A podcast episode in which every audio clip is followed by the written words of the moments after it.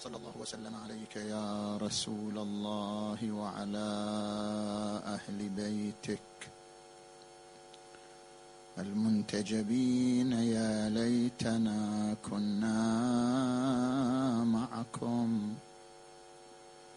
فنفوز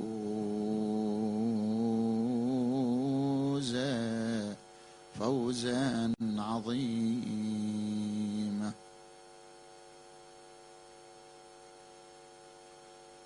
أعوذ بالله من الشيطان الغوي الرجيم.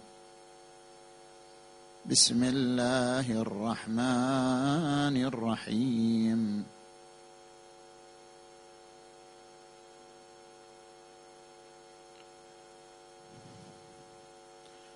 ذلك الكتاب لا ريب فيه هدى. للمتقين.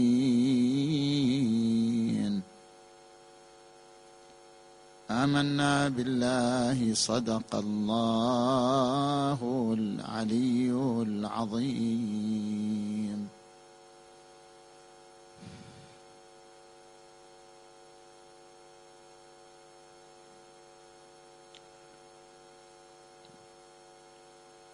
انطلاقا من الآية المباركة نتناول في حديثنا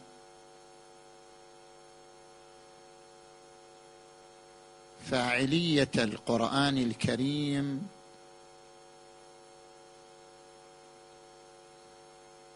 وما صنعه القرآن الكريم في تاريخ الأديان السماوية. كتب جملة من المستشرقين أن القرآن الكريم ما هو إلا استنساخ من الكتب السابقة وأن القرآن الكريم لم يأت بشيء جديد في عالم اللاهوت والأديان السماوية. بل القرآن الكريم يستند إلى رافدين. ألا وهما كتب العهدين والإرث العربي الجاهلي.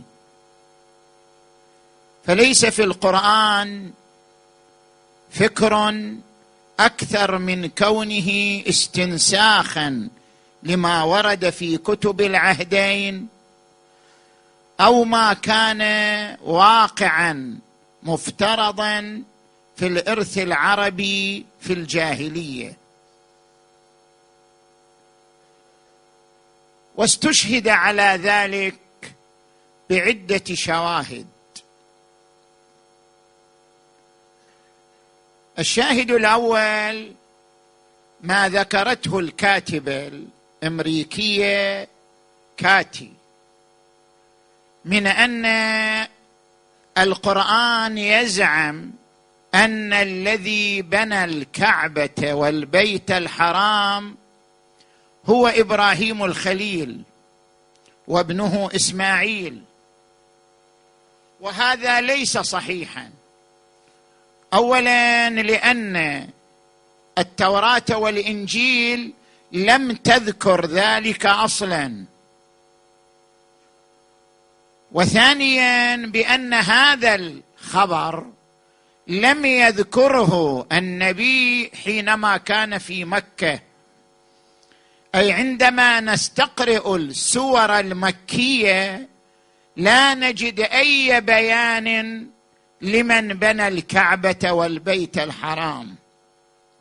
وإنما حينما انتقل النبي إلى المدينة وصار في مقام الاحتكاك بأهل الكتاب اليهود والنصارى أراد أن يثبت أن لدينه جذورا وأن دينه امتداد لملة إبراهيم الخليل فزعم أن الذي بنى الكعبة والبيت الحرام بمكة المكرمة هو إبراهيم وابنه إسماعيل لكي يقول للأديان الأخرى أنه على صلة بملة إبراهيم الخليل كما هي الأديان الأخرى.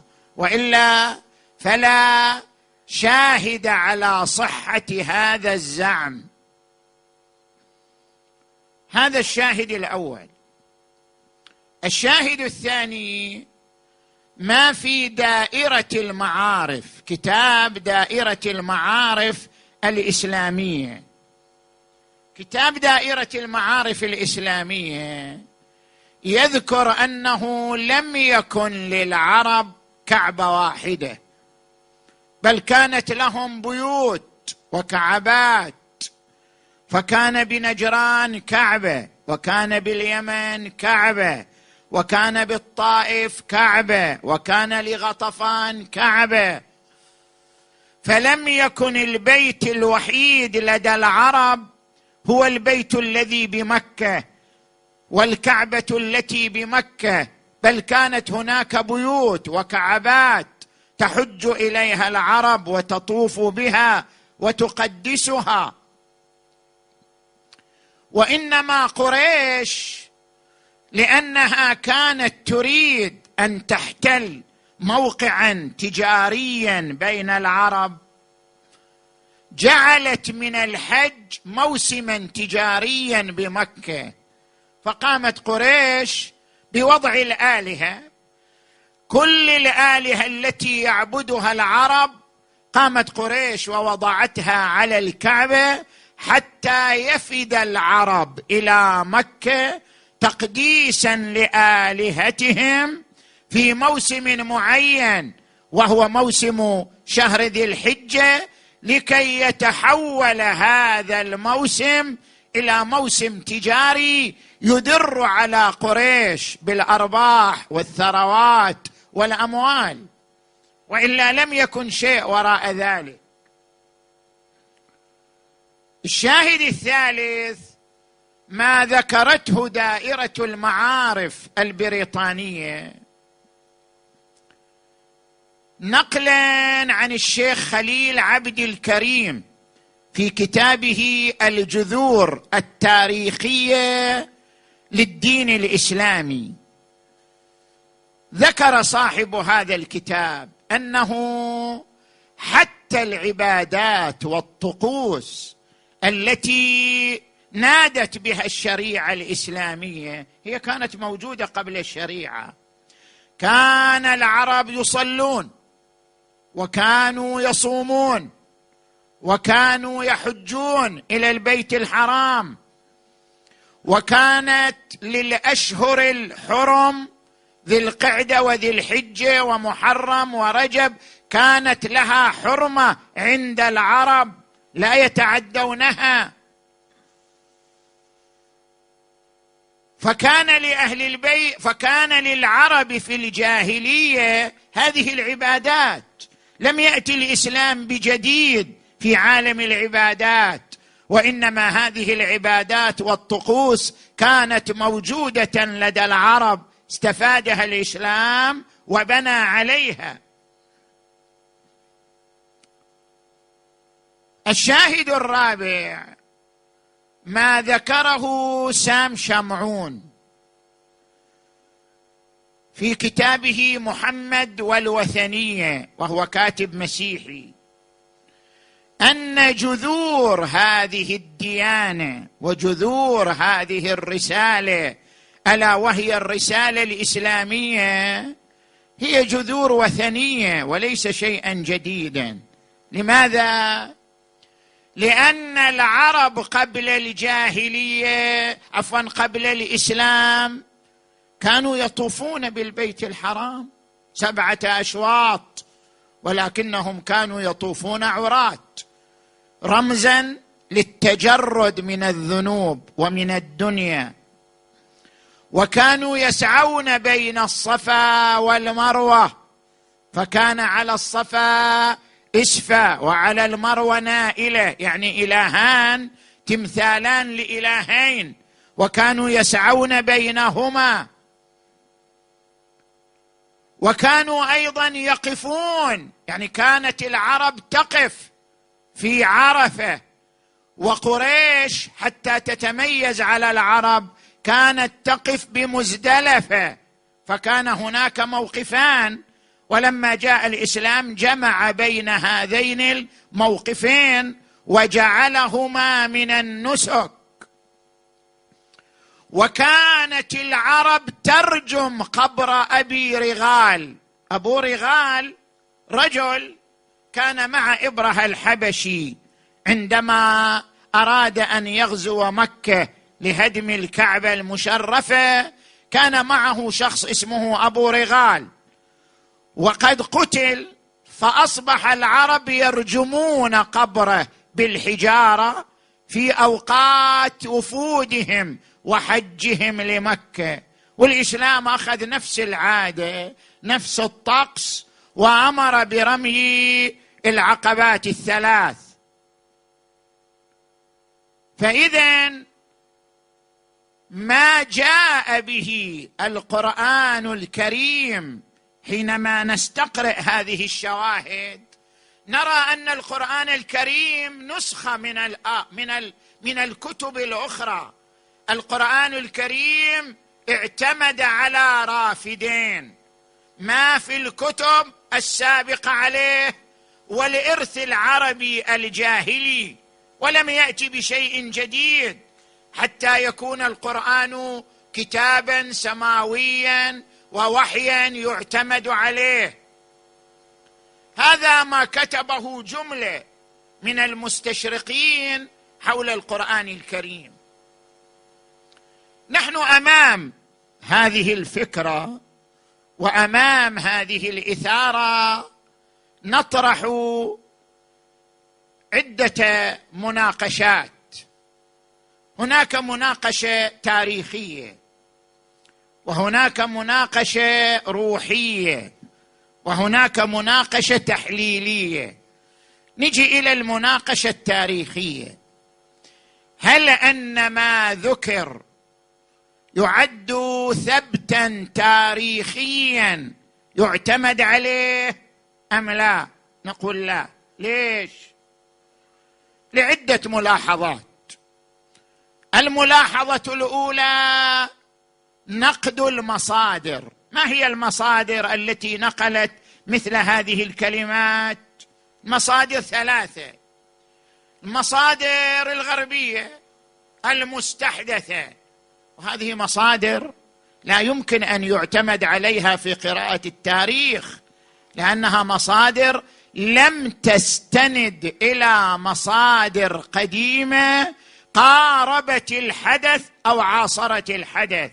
مجرد أخبار مرسلة مجرد أخبار لا سند لها من أجل التمويه ومن أجل كسر النفسية الإسلامية التي تسمع مثل هذه الكلمات.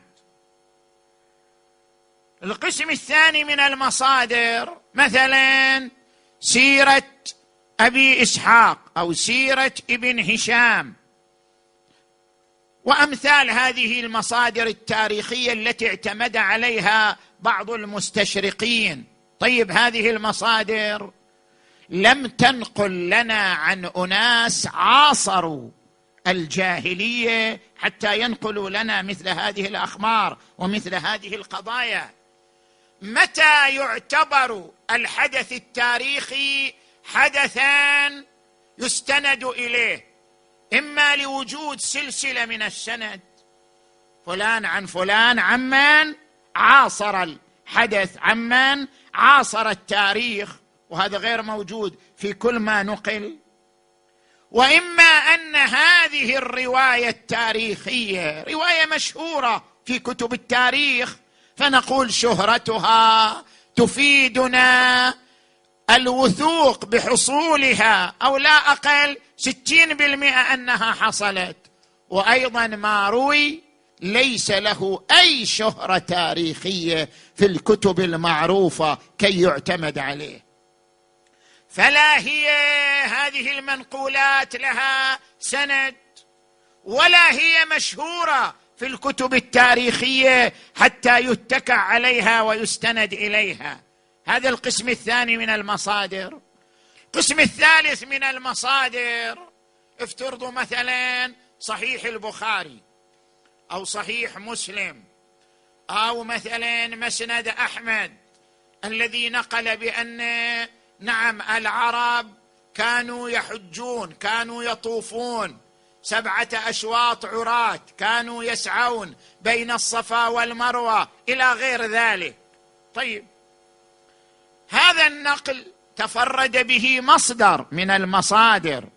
يعني لا يمكن أن يدان الإسلام ولا يمكن أن تبرز حجة أمام الإسلام لأجل أن مذهب من مذاهب المسلمين أو اتجاه من الاتجاهات الإسلامية. روى هذه الرواية أو نقل هذا الحدث. عندما نحن نريد أن نخدش في الإسلام أو نطعن في الإسلام نأتي برواية أجمع عليها المسلمون اتفق عليها المسلمون فنطعن في الإسلام بما اتفق عليه المسلمون. أما رواية رواها البخاري أو رواها مسلم وهو يمثل اتجاه من الاتجاهات الإسلامية لا يشكل بابا للطعن في الإسلام ومصداقيته وأنه اعتمد على الإرث العربي الجاهلي كما يقال. هذه الملاحظة الأولى وهي نقد المصادر. الملاحظه الثانية عندما نأتي لما ذكرته الكاتبة كاتي قالت بأنه لا التوراة ولا الإنجيل نقل أن إبراهيم بنى الكعبة بمكة. وإن السور التي ذكرت هذا الخبر هي من المدينة وليست من مكة. لو كان هذا الخبر صحيح لذكره محمد وهو في مكة. لماذا أجله إلى المدينة؟ اولا الكتب التي وصلتنا ليست هي الكتب. التي نزلت من السماء يعني الذي وصلنا التوراه المحرف الإنجيل المحرف. لم يصلنا كتاب سماوي قبل القرآن كما نزل من السماء حتى نعتبره مصدرا يعول عليه. ونقول بما أنه ما نقل لنا أن إبراهيم بنى الكعبة اذا لا دليل عندنا على أن إبراهيم بنى الكعبة. وأما أن هذا الخبر ذكرته السور المدنية لم تذكره السور المكية. طبيعي لأن الدعوة الإسلامية مرت بمراحل. المرحلة الأولى وهي المرحلة المكية كانت تركز فقط على أصلين من أصول الدين وهما التوحيد والمعاد يعني ويوم القيامة. السور المكية كلها تناولت هذين الأصلين لأنهما الأساس للدعوة الإسلامية. ولم تتناول شيئا غير ذلك حتى لائحة التشريع. تنظر الآن لائحة التشريع العبادات المعاملات أحكام الإرث أحكام الربا أحكام القصاص. لائحة التشريع كلها لم تأتي إلا في السور المدنية لأن الإسلام لم ينتقل من مرحلة عقيدة إلى مرحلة دولة وإلى مرحلة نظام إلا في المدينة المنورة. من الطبيعي أن يذكر كثير من القضايا المهمة لمرحلة المدينة المنورة. هذا لا يدل على عدم صحة الخبر وإنما طبيعة التدرج في الدين والدعوة الإسلامية اقتضت ذلك. زين. نجي إلى الملاحظة الثالثة. طيب القرآن ذكر صريحا أن إبراهيم وإسماعيل بنوا الكعبة وفي عدة آيات. وإذ يرفع إبراهيم القواعد من البيت وإسماعيل ربنا تقبل منا إنك أنت السميع العليم. وقال تعالى إن أول بيت وضع للناس للذي ببكة مباركا وهدى للعالمين. فيه آيات بينات. مقام إبراهيم ومن دخله كان آمنا. ولله على الناس حج البيت. من استطاع إليه سبيلا. وقال تبارك وتعالى وإذ جعلنا البيت مثابة للناس وأمنا واتخذوا من مقام إبراهيم مصلى. وعهدنا إلى إبراهيم وإسماعيل أن طهرا بيتي للطائفين والعاكفين والركع السجود. القرآن تناول القضية في عدة سور ولم يرد أي اعتراض من اليهود والنصارى ولا من أهل مكة في وقت صدور هذه الآيات اطلاقا. طيب لو كان الخبر غير صحيح لو كان هذا زعم من النبي أن إبراهيم بنى الكعبة وأن هذا زعم لا أساس له. لورد اعتراض. لنقل لنا التاريخ عن اليهود في المدينة أو عن النصارى في نجران والطائف أو عن أهل مكة أنهم كذبوا النبي في هذه المفردة وقالوا لا صحة لها. بينما لم ينقل التاريخ شيئا من ذلك. مع أن اليهود والنصارى وأهل مكة كانوا يتصيدون على النبي أي خطأ ويتحينون الفرص في أي نقل حتى يكذبوه ولم يرد عنهم أنهم كذبوا النبي في هذه المفردة وهي بناء إبراهيم وإسماعيل للكعبة بمكة المكرمة. الملاحظة الرابعة تجي إلى المؤرخ اليوناني سيكولس. هذا في القرن الثاني قبل الميلاد. لاحظ؟ في القرن الثاني قبل الميلاد وهو ذكر في كتابه أن للعرب بيتا يعظمونه يقرب من البحر كذا ميل. ثم جاء من بعده إدوارد جيبون وقال إن مقصوده من البيت هو الكعبة بمكة. الواقعه بين كذا وبين كذا. يعني حدد المكان بالضبط حدد المكان بالدقة. ثم نفس بعض طوائف اليهود إلى الآن موجودون يقرون بأن لإبراهيم ولإسماعيل تمثالين داخل الكعبة وهما يحملان الأجلام. اذا القضية ليست هي من مبتدعات. مبتدعات مثلا مكة عفوا مبتدعات النبي أو مبتدعات القرآن وإنما لها أصول في كتب التاريخ. زين الملاحظه الخامسة. إحنا ما زلنا كلنا في المناقشة التاريخية لهذه الفكرة. الملاحظة الخامسة تشاهد كثير من الديانات تقر وتعترف بقدسية البيت الحرام. الهندوس الهندوس يعترفون بقدسية البيت الحرام. كيف؟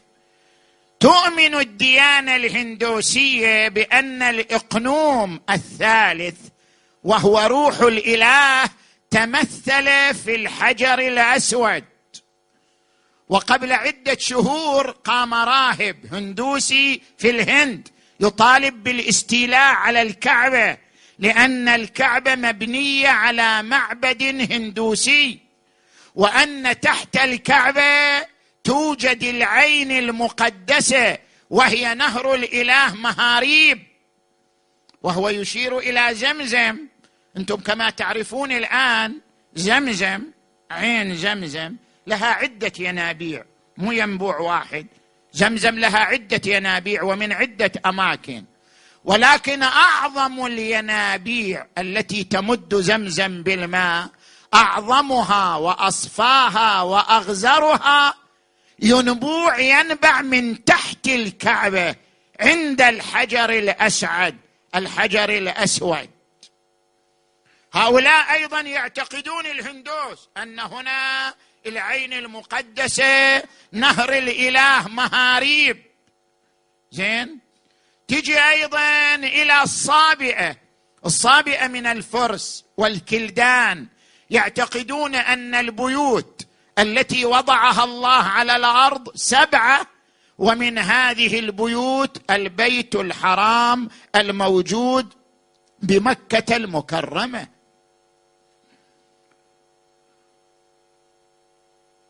وأما أن نجران كان فيها كعبة وغطفان كان فيها كعبة والطائف كان فيها كعبة واليمن كان فيها كعبة هذه الكعبات كانت نتيجة الحروب مع قريش.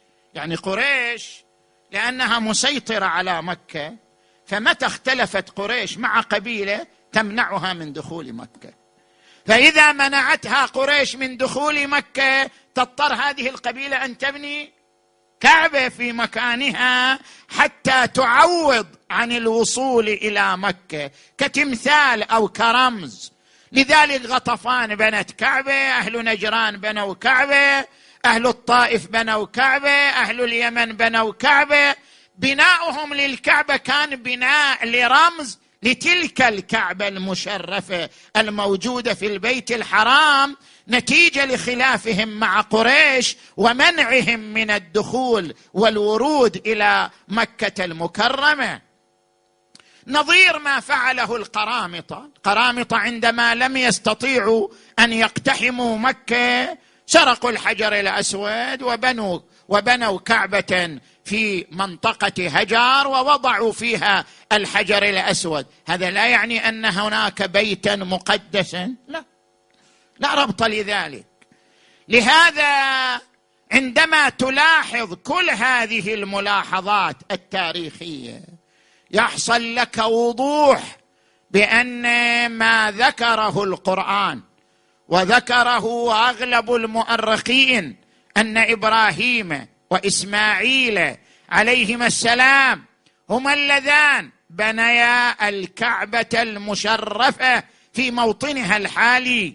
إن أول بيت وضع للناس للذي ببكة مباركا وهدى للعالمين. أما تجي أنت على خبر شاذ ذكره مستشرق أو ذكره كتاب لا يعبأ به يقول لك إبراهيم بنى الكعبة بأور ببابل. شنو هذا؟ انسان يعتمد على القرآن على كتب التاريخ على ما أجمعت عليه الروايات الموثوقة من وجود البيت الحرام بمكة المكرمة كما هو الوضع الحالي. هذه الملاحظة التاريخية. نجي إلى المناقشة الروحية. صحيح أن العرب قبل الجاهلية كانوا يصلون. كانت لهم صلاة وما كانت صلاتهم عند البيت إلا مكاء. وكانت لهم وكان لهم صيام ولم يكن في شهر رمضان ولم يكن شهرا كاملا. كانت أيام من السنة. وكانوا يحجون إلى البيت ويطوفون بالكعبة عراة. ولكن ما الذي أضافه الإسلام حينما جاءت الشريعة المحمدية. لاحظوا العبادة ليست هي مجرد طقوس. الطقوس مظهر للعبادة. كل عبادة لها مظهر ولها جوهر. هذه الحركات من الطواف من الساعي من الصلاة هذه مظهر العبادة طقس العبادة. أما حقيقة العباده وجوهر العباده هو روح عروجية قربانية وراء ذلك كله. هذه الروح هي التي ضخها الإسلام في هذه الطقوس وفي هذه الحركات. الإسلام عندما جاء جاء بمفردتين المفردة الأولى مفردة التوحيد. والتي كانت غائبة قبل مجيء الإسلام أن العباده لا تستقيم إلا بالتوحيد. قل يا أيها الكافرون لا أعبد ما تعبدون ولا أنتم عابدون. ما أعبد. قل هو الله أحد الله الصمد الله لا إله إلا هو الحي القيوم. قل اللهم مالك الملك تؤتي الملك من تشاء. وتنزع الملك ممن تشاء وتعز من تشاء وتذل من تشاء. بيدك الخير. إنك على كل شيء قدير. ومفردة التوحيد استدعت مفردة الأسماء الحسنى. ترى هذا المصطلح مصطلح الأسماء الحسنى ما موجود في الديانات السابقة والرسالات السابقة. ليش؟ مفردة الأسماء الحسنى هي متفرعة على التوحيد. بما أن الإسلام ينادي بالتوحيد كما أن الله واحد في ذاته واحد في صفاته واحد في أفعاله فهو المحيي وهو المميت وهو الخالق وهو الرازق وهو القابض وهو الباسط وهو السميع وهو البصير. ولله الأسماء الحسنى فادعوه بها. وذر الذين يلحدون في أسمائه وقال قل ادعوا الله أو ادعوا الرحمن ايا ما تدعو فله الأسماء الحسنى. أسماء الحسنى يعني شنو؟ يعني كل الأمور بيده تبارك وتعالى. لا بيد عبد من عباده ولا بيد مخلوق من مخلوقاته. من متفرعات التوحيد مسألة الأسماء الحسنى. هذه المفردة الأولى التي أتى بها الإسلام. والمفردة الثانية أنه طلب جوهر العبادة وهو الخشوع. ليش الإسلام أمر بالصلاة خمس مرات في اليوم؟ ما كانت في الديانات السابقة. لماذا الإسلام أمر بالصلاة بهذه الكيفية بهذه الأذكار بهذه السور؟ لماذا؟ لماذا أمر الإسلام بالطهارة قبل الصلاة؟ لماذا؟ كل ذلك لتأكيد روح العبادة وترسيخها. ألا وهي الخشوع. قد أفلح المؤمنون الذين هم في صلاتهم خاشعون. ويقول القرآن الكريم وأقم الصلاة فأقم الصلاة لذكري. ويقول القرآن الكريم إن الصلاة تنهى عن الفحشاء والمنكر. اذا لنفترض أن بعض العبادات كانت موجودة قبل الإسلام. أما ماذا أضاف الإسلام؟ ضخ الإسلام. مفردتين مهمتين. لا تقوم العباده إلا بهما وهما مفردة التوحيد والجوهر العبادة الذي هو الخشوع دون طقس العبادة ومظهرها. زين. نجي إلى المناقشة الثالثة وهي المهمة المناقشة التحليلية. لاحظوا معي. صلوا على محمد وآل محمد.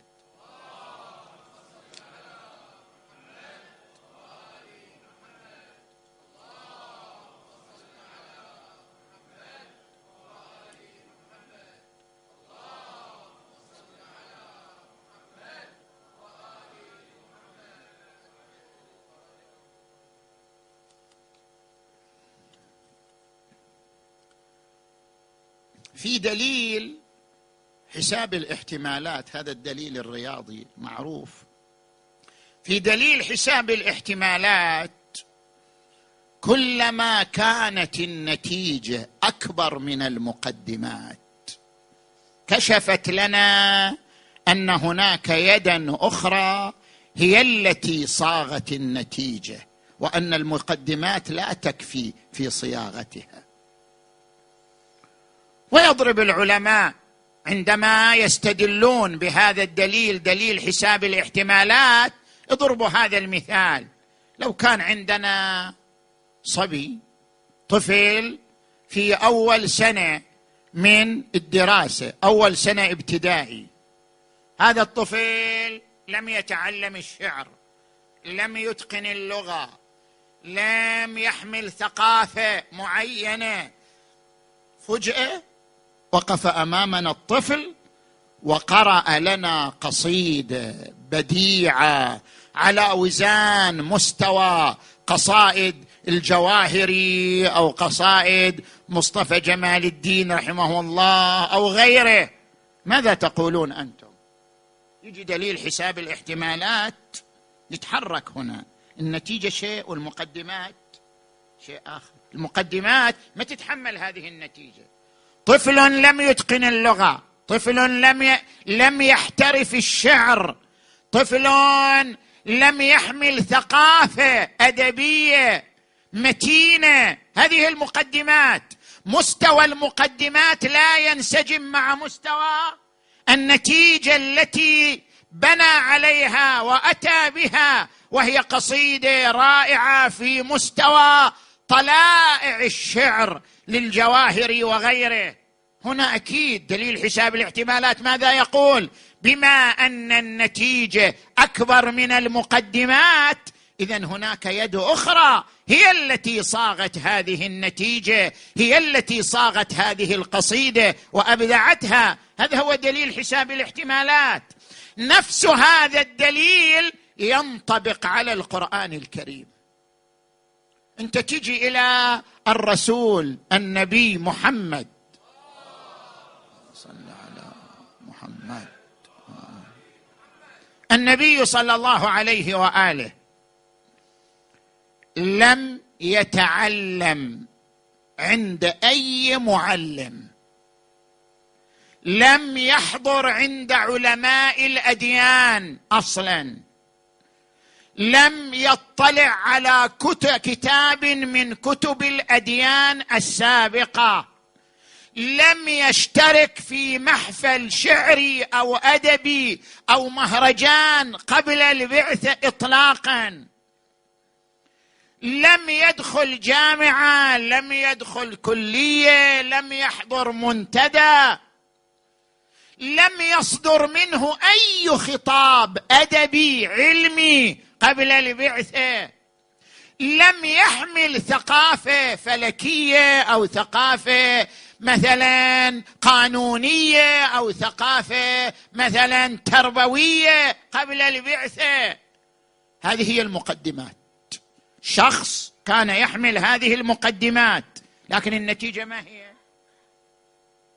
النتيجة فاجأ هذا الشخص الذي لم يتعلم لم يأخذ كتب الأديان لم يحضر عند مدرس أو أديب أو شاعر لم يحمل ثقافة عن الفلك عن السماء عن الأرض عن دقائق الكون. جاء هذا الشخص بهذا الكتاب ألا وهو القرآن الكريم.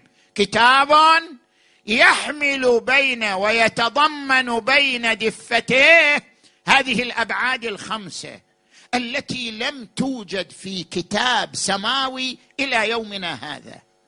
البعد الأول البعد التاريخي. نقل هذا الكتاب قصة الإنسانية من يوم آدم بتفاصيلها إلى يوم النبي محمد.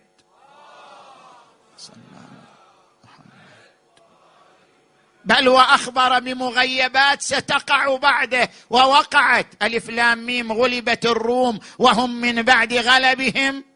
سيغلبون في بضع سنين. لله الأمر من قبل ومن بعد. زين؟ ثانيا البعد القانوني. تدري هذا الكتاب القرآن الكريم فيه أكثر من سبعمائة آية تتضمن قانون من القوانين التشريعية. يعني هذه المادة القانونية تحتاج إلى عقلية قانونية خبيرة بالقانون خبيرة بتفاصيل. القانون سبعمائة آية أو أكثر على الخلاف بين العلماء. جاءت بمادة قانونية مفصلة في المعاملات في القصاص في الديات في الدين. في جميع ما هو مرتبط بمسيرة الإنسان. زين؟ البعد الثالث ألا وهو البعد التربوي. تضمن هذا الكتاب تعاليم خلقية تعالج أمراض نفسية متأصلة وتأخذ بنفس الإنسان إلى حالة من الهدوء والاطمئنان. عبر الأخلاق الجميلة أو عبر ذكر الروحي الذي إذا استمر عليه الإنسان وصل إلى التخلص من الأمراض النفسية والقلاقل الروحية. زين؟ البعد الرابع البعد الغيبي. تحدث هذا الكتاب عن الموت وما بعد الموت والآخرة وتفاصيلها. ولم يتحدث كتاب سماوي كما تحدث القرآن الكريم. والبعد الخامس ألا وهو البعد العلمي. القرآن الكريم تضمن إشارات لحقائق كونية علمية اكتشفها الإنسان بعد مئات السنين. عندما يقول القرآن الكريم وجعلنا السماء سقفا محفوظا ويأتي العلم بعد سنين ليقرر أن بين الأرض وبين الفضاء غلافا جويا يحمي الأرض من خطر النيازك والشهب هذا هو السقف المحفوظ. القرآن الكريم يقول قبل ذلك وأنزلنا الحديد فيه بأس شديد. يجيك العلم بعد مئات السنين. يقول لك العناصر الأولية للحديد لم تتكون في الأرض وإنما تكونت في السماء. العناصر الأولية للحديد هي جاءت عبر انفجارات لهذه النجوم العملاقة ووصل هذا الفتات إلى الأرض واختلط بترابها فتكون منها الحديد. وعندما يقول القرآن الكريم من بين كل المعادن يذكر الحديد. قال وأنزلنا الحديد. ويقول فيه بأس شديد. بأس شديد مو فقط الحديد يقطع لا. بأس شديد شوف العناصر. هيدروجين الهليوم إذا زدت عليه طاقة يزداد توقدا إلا الحديد فإنه يمتص الطاقة. ولذلك العنصر الذي يقتل الشموس العملاقه وينهيها هو عنصر الحديد دون غيره من العناصر. فيه بأس شديد. تجي مثلا إلى قوله تعالى وجعلنا من الماء كل شيء حي الآن يقرر العلم أنه لا دليل على الحياة في أي كوكب إلا وجود الماء. الماء هو دليل الحياة في أي كوكب كان. وجعلنا من الماء كل شيء حي. تجي إلى القرآن الكريم عندما يقول وترى الجبال تحسبها جامدة وهي تمر مر السحاب صنع الله الذي أتقن كل شيء بعدين يكتشف الإنسان أن الأرض تتحرك وليست جسما ثابتا.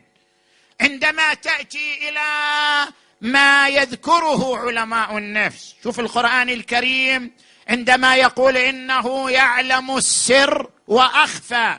ما هو الذي أخفى من السر؟ أكو شيء أخفى من سر يسره الإنسان في نفسه؟ نعم. هناك العقل الواعي وهناك العقل الباطن.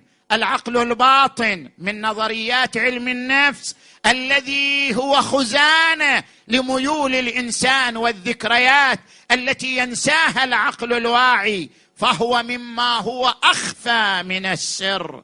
تجي إلى مستوى علم الاجتماع في علم الاجتماع يذكرون الآن أن لكل أمة موتا وحياة لكل مجتمع موتا وحياة. القران الكريم قبل ذلك يقول ولكل أمة أجل. فإذا جاء أجلهم لا يستأخرون ساعة ولا يستقدمون. والقرآن يقرر هذه النظرية متى ما كان.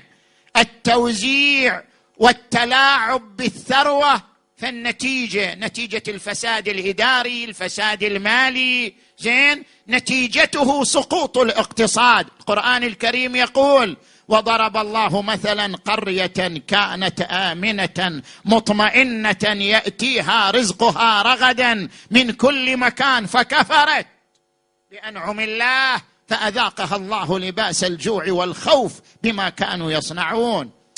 اذا بالنتيجة هذه المادة المادة التاريخية المادة الغيبية المادة القانونية المادة التربوية المادة العلمية. هذا الكتاب نتيجة أكبر من المقدمات.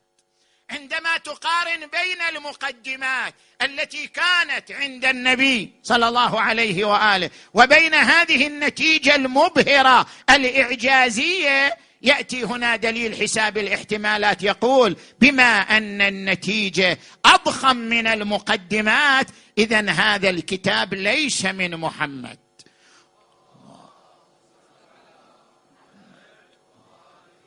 وليس من نقشه ولا إبداعه وإنما هناك يد غيبية هي التي صاغت هذا الكتاب. ألف لام ميم ذلك الكتاب لا ريب فيه. هدى للمتقين حاميم والكتاب المبين. إنا أنزلناه في ليلة مباركة. إنا كنا منذرين. وهكذا ما تذكر الآيات القرآنية حول هذا الكتاب العظيم. ألا وهو القرآن الكريم. فيلسوف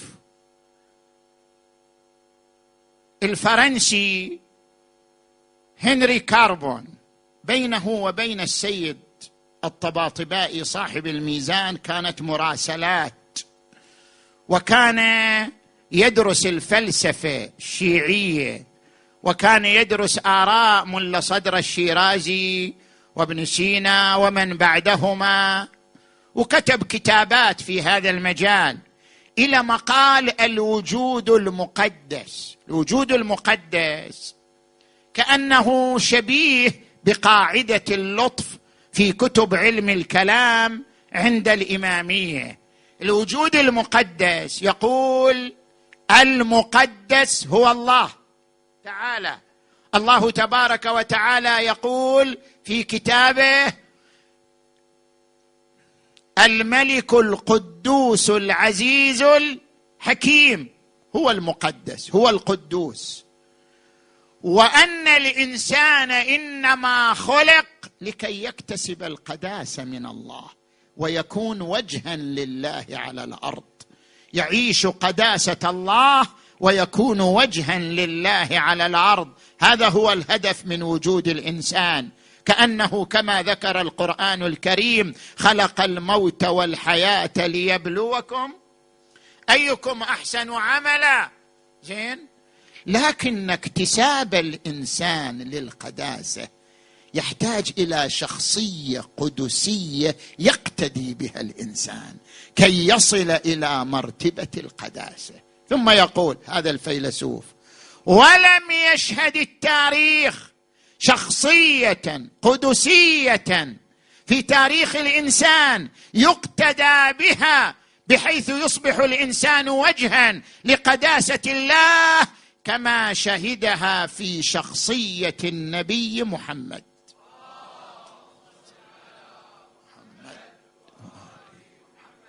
قال إن النبي محمدا صلى الله عليه وآله جمع بين صفتين عظيمتين صفة روحية وصفة قيادية. أما الصفة الروحية فكما ذكر القرآن عنه لقد جاءكم رسول من أنفسكم عزيز عليه ما عنتم حريص عليكم بالمؤمنين رؤوف رحيم. وقال عنه القرآن وإنك لعلى خلق عظيم كان يرقع ثوبه ويخصف نعله ويحلب شاته ويهيئ زاده ويركب الحمار ويردف معه من يشاء. وكان يجلس على الأرض إذا جاءه أحد وكان يجلس مع أصحابه كجلسة أحدهم حتى إذا جاء الغريب لا يتعرف من هو النبي منهم وكان مع أصحابه كأحدهم في تواضعه وطيب نفسه وأخلاقه العظيمة صلوات الله وسلامه عليه. والصفة الثانية التي جذبت جذبت الأمم المنصفة لشخصيته الصفة القيادية. لم يتمتع بهذه الصفة القيادية نبي قبله. النبي صلى الله عليه وآله استطاع خلال عشر سنوات 13 سنة في مكة كان محاصر ما كان يقوم بدوره المطلوب إلا بمقدار الإرشاد والتوعية والهداية لكن هالعشر سنوات التي عاشها في المدينة؟ عشر سنوات استطاع أن يحول المجتمع من مجتمع جاهلي متحارب إلى مجتمع متعلم متخلق متوحد. خلال عشر سنوات استطاع أن يقيم دولة. في خلال عشر سنوات استطاع أن يقيم تاريخ وتراث باقيا إلى يوم القيامة. خلال عشر سنوات يقول هؤلاء المحللون للشخصية القيادية للنبي صلى الله عليه وآله أنه كيف استطاع أن يحول العرب من قبائل متحاربة تتقاتل على الرغيف وتتقاتل على البئر وتتقاتل على العنز؟ كيف استطاع أن يحولهم إلى مجتمع متعلم متوحد يتفانى في سبيل مبادئه وعقيدته. كيف استطاع ذلك؟ يقول لك استطاع ذلك بعدة نقاط تكشف عن عبقريته القيادية. النقطة الأولى أنه أعطى المؤلف قلوبهم سهما من الزكاة حتى يدرأ خطرهم على الإسلام. والنقطة الثانية أنه آخى بين المهاجرين والأنصار وآخى بين الأنصار أنفسهم بين الأوس والخزرج حتى يجعل المجتمع الإسلامي مجتمعا اخويا مترابطا لا ينفصل بعضه عن بعض. والنقطة الثالثة أنه استطاع أن يسيطر على المركز على مكة بشكل تدريجي دون أن يدخل في حروب مباشرة إلى مكة وإلى المجتمع المكي. إلى أن فتح مكة منتصرا. هذه النقاط تكشف عن عبقرية قيادية كأن يمتلكها هذا الإنسان وهذه العبقرية الروحية والقيادية هي التي جعلته مؤهلا أن يكون خاتم الأنبياء. ما كان محمد أبا أحد من رجالكم ولكن رسول الله وخاتم النبيين. وهكذا استطاع هذا الإنسان استطاع هذا الإنسان أن يبقي هذا التراث خالدا حتى أن الخليفة الأموي يقول وهذا ابن أبي كبشة يذاع اسمه على المآذن؟ ألا والله دفنا دفنا. ألا والله دفنا دفنا. لكنه لم يستطع أن يدفن ذكر رسول الله. ولم يستطع محو وطمس آثار رسول الله صلى الله عليه وآله. هذا الإنسان الذي بذل كل جهوده وكل حياته وكل مصاعب الحياة في سبيل نشر الدين في سبيل إصلاح أمر الأمة كما ذكرت السيدة الزهراء وكنتم على شفا حفرة من النار مذقة الشارب ونهزة الطامع وقبسة العجلان وموطئ الأقدام تشربون الطرق وتقتاتون القد أذلة خاسئين تخافون أن يتخطفكم النأس من حولكم حتى أنقذكم الله بأبي محمد.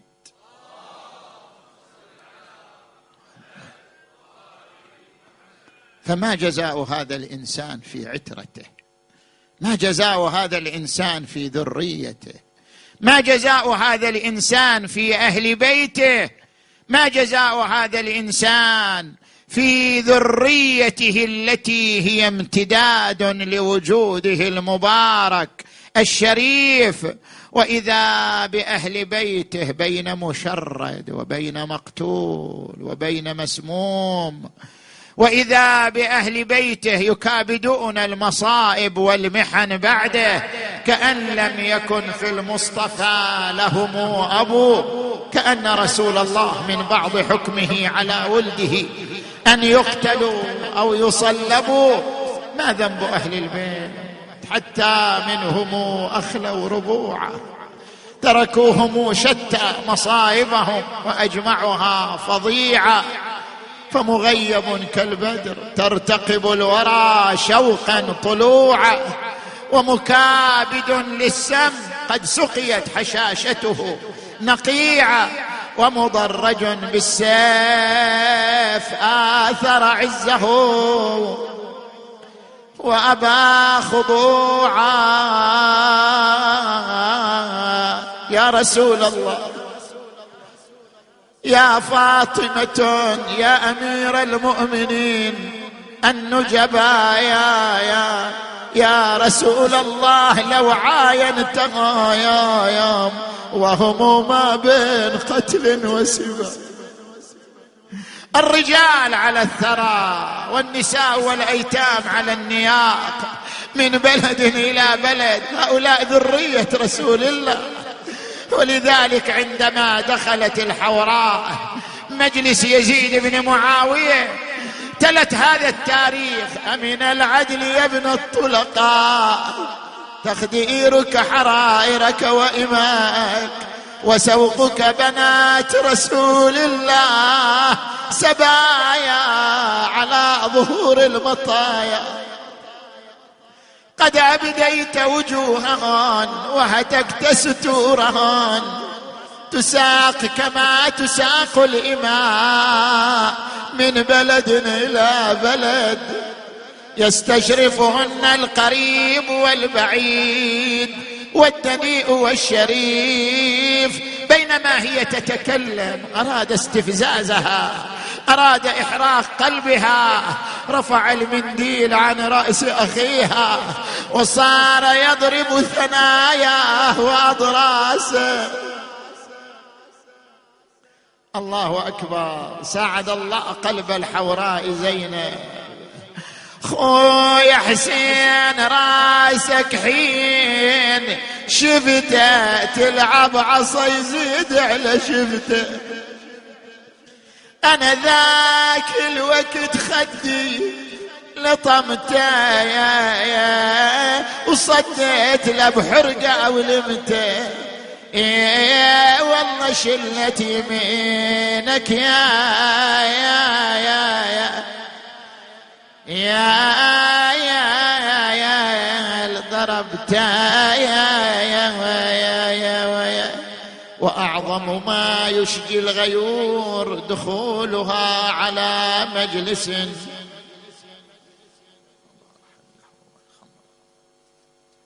اللهم بحق نبينا المصطفى وآله المعصومين الطيبين الطاهرين اللهم اغفر ذنوبنا واستر عيوبنا وكفر عنا سيئاتنا وتوفنا مع الأبرار. اللهم اشف مرضانا ومرضى المؤمنين والمؤمنات واقض حوائجنا وحوائج المؤمنين والمؤمنات. اللهم وفقنا والمؤسسين لما تحب وترضى. وارحم أمواتنا وأمواتهم. اللهم عجل فرج وليك وابن أوليائك.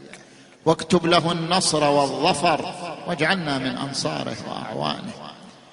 وإلى أرواح أموات المؤسسين والمؤمنين والمؤمنات الفاتحة. تسبقها الصلاة.